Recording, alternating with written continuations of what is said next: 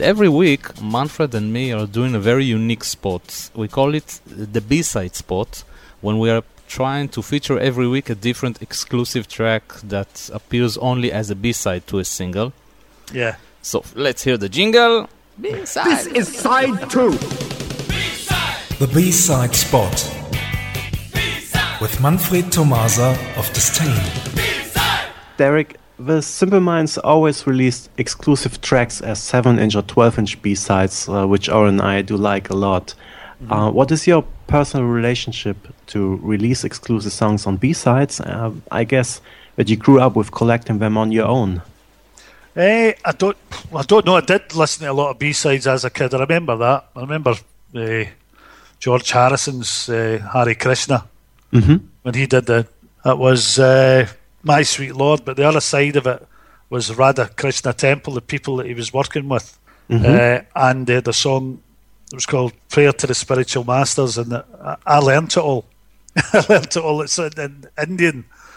I mean, it's uh, Naum Vishnu Padaya Krishna Prastaya Bhutale Srimati Bhaktivedanta Swami Tinami Sri Krishna Chaitanya Prabhu Nityananda Sri Advaita Gadadhar Sri Vajide Pur Bhakta Vrindam Bande Rupa Sanatana Raghunath Jiva Gopala Ko. I love, see, I love language, so that was, and I learned it all, and I learned to sing, now Padaya, and sing the, the whole thing, and I loved that. Absolutely loved that. That was a B side. Simple Minds B side, which was hilarious, was Garden of Hate, which featuring the the lovely vocals of Brian McGee. Jim and I used to have many a jolly time recalling that song. uh, much to Brian's chagrin. And the, the single that we choose tonight for the B-side spot is Someone Somewhere in Summertime. We yeah. will hear the song and then we'll hear the B-side.